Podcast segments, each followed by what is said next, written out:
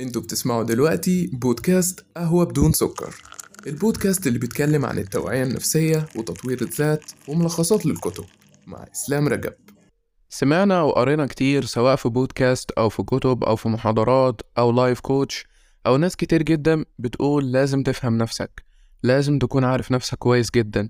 لازم تفهم كل تفصيلة في نفسك وكل ما فهمت أكتر كل ما عرفت تدير أمور حياتك أكتر. طب ليه أصلا ده ويعني إيه أصلا أفهم نفسي؟ أفهم نفسي أبقى عارف أنا ليه بعمل التصرفات دي. أبقى عارف أنا في وحدتي بحس بإيه.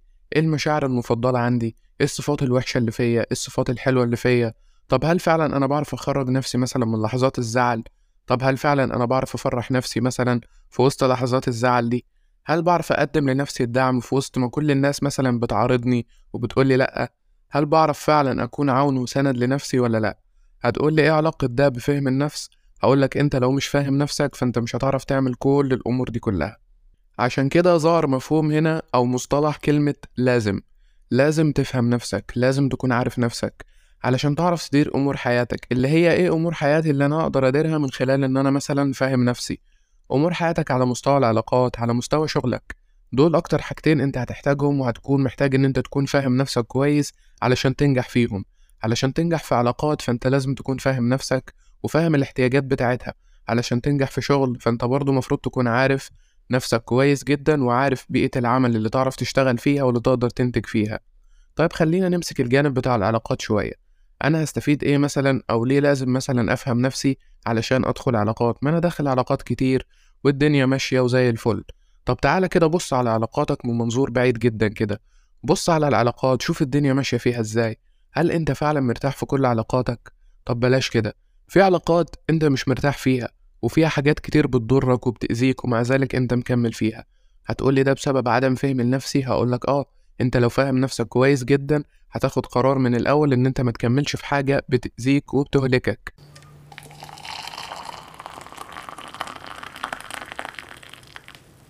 فالمنظور البعيد اللي هتبص منه من العلاقات وتبص على حياتك بشكل عام وعلى علاقاتك بوجه أخص هتلاقي إن في حاجات كتير غلط بتحصل لو أنت مش فاهم نفسك. طب هل مثلا عارف الحاجات الوحشة اللي فيك؟ هل عارف فعلا الحاجات الوحشة في الأشخاص والدايرة اللي حواليك؟ طب ليه مش مهتم تعرف الجانب ده؟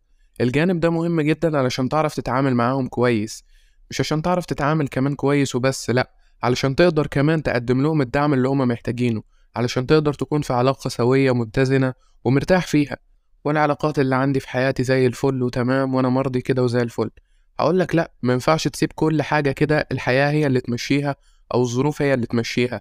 لازم أنت اللي يكون عندك الكنترول أو السيطرة بشكل عام في المقام الأول. أنت اللي ممشي حياتك. أنت السواق بتاع حياتك. أنت القائد بتاع حياتك. ومش كلام تنمية بشرية ولا كلام تحفيز بس دي حقيقة وواقع. أنت المسؤول عن حياتك. فمن الطبيعي إنك تكون فاهم نفسك كويس علشان تعرف تدير أمور حياتك في علاقاتك وفي شغلك. طب على مستوى الشغل مثلا هستفيد إيه برضه لما أكون فاهم نفسي كويس؟ هتستفيد إنك عارف تشتغل في بيئة عمل كويسة هتعرف تختار بيئة العمل المناسبة ليك واللي تقدر فعلا تنتج فيها وتطلع أفكار كويسة جدا. هتعرف تتعامل مع زمايلك هتعرف تحط حدود لزمايلك. مش هتسيب الدنيا ماشية كده خلاص واللي عايز يتعامل معاك يتعامل سواء أنت بنت مثلا ممكن الوضع يكون جديد عليكي ومش فاهمة نفسك فتسيب الدنيا كده عادي سهلة جدا. كلنا بنتعامل مع بعض عادي بدون أي حدود بدون أي رسميات. كذلك الكلام برضو ينطبق على الولد. عادي يا عم ما إحنا كلنا بقى بنشتغل والدنيا حلوة وتمام وأرقام بعض بقى ونتكلم في أي وقت وكل الكلام ده. طب أنت لو فاهم نفسك كويس جدا مش هتعرف تعمل كل الكلام ده. أو مش مش هتعرف مش هتحب إن أنت تعمل حاجة زي كده. لأن حاجات زي كده بترجع علينا بالسلب مش بالإيجاب. إن أنا أطلع علاقات من الشغل دي حاجة كويسة جدا. لكن إن أنا أخلط الشغل بالعلاقات الشخصية فدي مشكلة كبيرة جدا. ولو أنا مش فاهم نفسي هنغمس فيها بدرجة فظيعة جدا. عشان كده رسم الحدود والاحتياجات كل ده متوقف على فهمك لنفسك وفهمك لذاتك. لو أنت مش قادر تحدد احتياجاتك والحاجات اللي أنت ما بتحبهاش في الشغل والحاجات اللي أنت ما بتحبهاش في العلاقات مش هتقدر تكمل لا في شغل ولا في علاقة. وهتلاقي نفسك عمال بتتنطط كده زي القرد بالظبط. وأنا آسف على المصطلح بس دي حقيقة فعلا. هتلاقي نفسك عامل زي القرد كده كل شوية على شجرة. فهتلاقي نفسك يا إما كل شوية في علاقة يا إما كل شوية في وظيفة.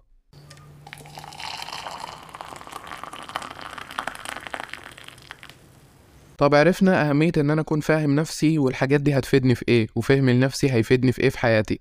أعمل إيه علشان أكون فاهم نفسي؟ أول حاجة وهي افهم ما وراء السلوك بتاعك أنت.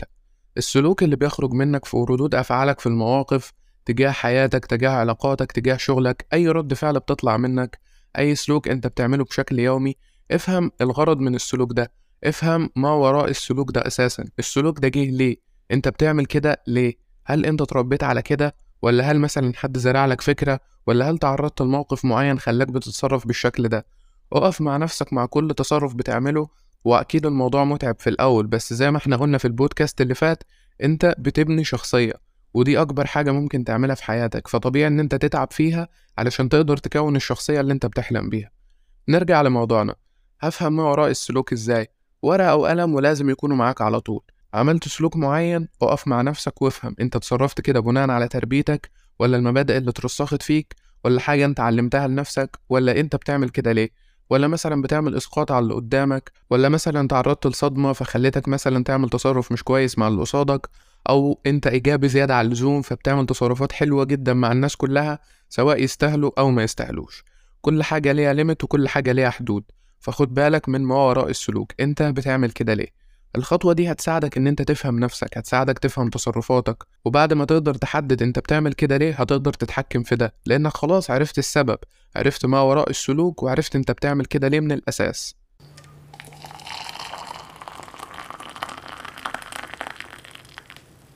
تاني حاجة وعايزك تكتب المبادئ اللي طلعت بيها. طلعت بيها من فين؟ ما انت أثناء ما انت بتكتب وبتفهم ما وراء السلوك بتاعك هتطلع بمبادئ كتير جدا هتلاقي نفسك ماشي عليها. في منها اللي صح وفي منها اللي غلط. إحنا بقى عايزين نفلتر ده. فإحنا بنكتب المبادئ دي كلها ونفلتر نشوف المبادئ دي. هل فعلا صح؟ وهل فعلا ينفع أمشي عليها؟ ولا لأ المبادئ دي غلط ومش بتاعتي من الأساس. لازم تفهم كويس جدا ولازم تعمل الخطوة الأولى كويس علشان تقدر تحدد المبادئ اللي من خلالها أنت بتتصرف وبتعمل ردود أفعال كتير جدا.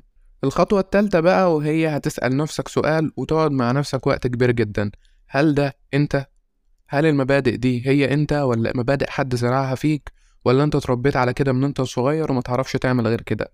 لازم تاخد بالك كويس جدا لأن مش كل تربية فهي تربية سليمة ولا كل مبدأ حد نصحني بيه فهو صح. فلازم تاخد وتدي مع نفسك وتراجع نفسك في كل الأمور دي علشان تفهم حياتك ماشية إزاي مسار حياتك ماشي إزاي. مسار حياتك مينفعش يكون ماشي بناء على أفكار الآخرين مينفعش يكون ماشي بناء على مبادئ الآخرين. أنت ليك مبادئ وليك معتقدات المفروض أنت اللي تمشي بيها. أنت اللي تزرعها وأنت اللي تكتبها بإيدك وأنت اللي تمشي عليها. حتى لو كانت غلط اغلط مفيش مشكلة. بس الفكرة وكل ما فيها إن غلطك ده هيطلعك بتجارب جديدة ويطلعك بغلطات جديدة تقدر من خلالها تتعلم وتبني مبادئ جديدة. سليمة مبنية على تجارب وأخطاء وحاجات كتير جدا. بس زي ما قلنا قبل كده في خطوط حمراء ما ينفعش نتجاوزها وهي طبعا في ديننا.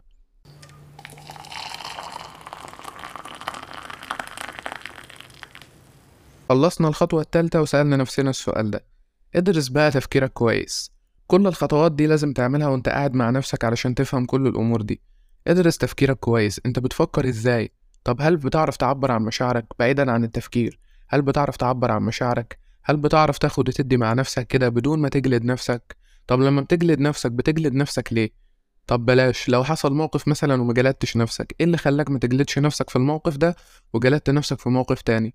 أسئلة كتير جدا وهتلاقي نفسك في شبكة كبيرة جدا من الأفكار وكمان ممكن تتعب جدا وتقفل الورقة والقلم وتقول يا ريتني ما كنت عايز أفهم نفسي. معلش الموضوع بيكون صعب في الأول. ليه؟ لأن كل حاجة متلخبطة. أنت تخيل كده داخل على المكتب بتاعك وعايز تنظم كل حاجة. ورق بقى مرمي من فوق والأدراج مش متظبطة وكل حاجة مش متظبطة خالص. هتعمل إيه؟ هتسيبه وتمشي ولا هتقرر إن أنت تنظمه وترتبه بالمرة علشان ترتاح بعد كده؟ هو ده اللي إحنا بنعمله بالظبط بترتب وبتنظم علشان تقدر ترتاح وتعرف تفكر بعد كده. فهو ده اللي هتعمله في الأول. هتتعب وأنا عارف وأنا بقولك إن أنت هتتعب. معلش استحمل ده. وحاول إن أنت تكون رحيم مع نفسك شوية بدون جلد ذات وحاول على قد ما تقدر إن أنت ما تاخدش الموضوع على قلبك قوي. يعني اللي هو أنا قعدت مع نفسي فأنا في القعدة دي خلاص أنا لازم أفهم نفسي.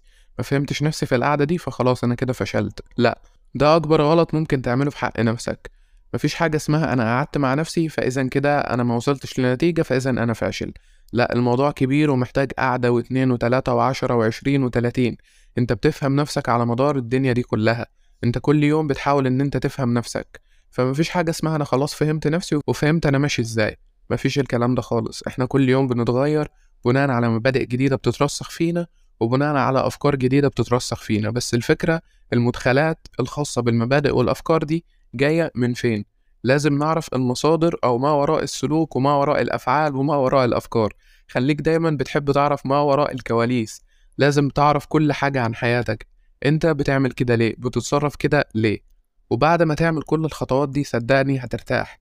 مش هترتاح بالشكل اللي انت متخيله وإن حياتك مش هيبقى فيها مشاكل. حياتك هيبقى فيها مشاكل وهيبقى فيها مشاكل كبيرة جدا. بس هتعرف تتعامل معاها المرة دي بشكل صح ومنمق ومظبوط كمان.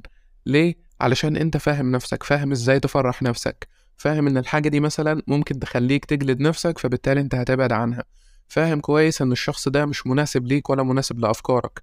ليه لأن أنت خلاص حددت الريد فلاجز من خلالك وعرفت الحاجات الوحشة اللي فيك وعرفت الحاجات اللي ما ينفعش أصلا تتأقلم معاها فبالتالي الشخص ده مش مناسب ليك. حتى لو هو كويس لغيرك وبالمناسبة في ناس كتير جدا ممكن نشوفهم إحنا مش كويسين بالنسبة لنا بس هما مناسبين لناس تانية ويقدروا يعملوا علاقة سوية متزنة بدون أي مشاكل نفسية خالص. بس الفكرة وكل ما فيها أنا هقدر أعمل إيه وهل هقدر أتأقلم مع ده ولا لأ؟ فأنت بتفهم نفسك علشان ترتاح في حياتك على مستوى العلاقات وعلى مستوى الشغل. فشوف علاقاتك وفلترها كويس جدا وشوف إيه اللي ينفع معاك وإيه اللي ما ينفعش. شوف شغلك وشوف الحاجات اللي بتنفع معاك والحاجات اللي ما بتنفعش معاك. شوف الحاجات المناسبة للمبادئ بتاعتك والحاجات اللي مش مناسبة للمبادئ بتاعتك. وده طبعا بعد ما تكتب كل المبادئ اللي أنت ماشي عليها وتعرف هل هي فعلا مبادئك أنت ولا لأ. مش عايز أقول كلام مكرر كتير ومش عايز أرجع لورا كتير بس حقيقي الخطوات دي كلها هتساعدك إن أنت تفهم نفسك وبالراحة على نفسك. وهتلاقي خطوات كتير جدا موجودة أونلاين وممكن تسيرش عن الموضوع. أنا بس بديلك أهمية للموضوع وبقولك إن أنت لازم تدور وتبحث. ما تقتصرش مثلا إن دول الأفكار ودي الحاجات اللي أنا لازم هعملها ومن خلالها أقدر أفهم نفسي. في أفكار أكتر من كده بكتير جدا ممكن تفهم نفسك من خلالها.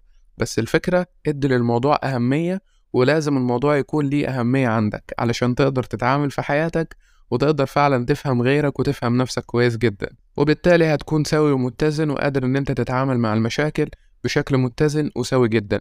دي كانت حلقتنا النهاردة. أشوفكم على خير دايما. وبودكاست جديد قهوة بدون سكر.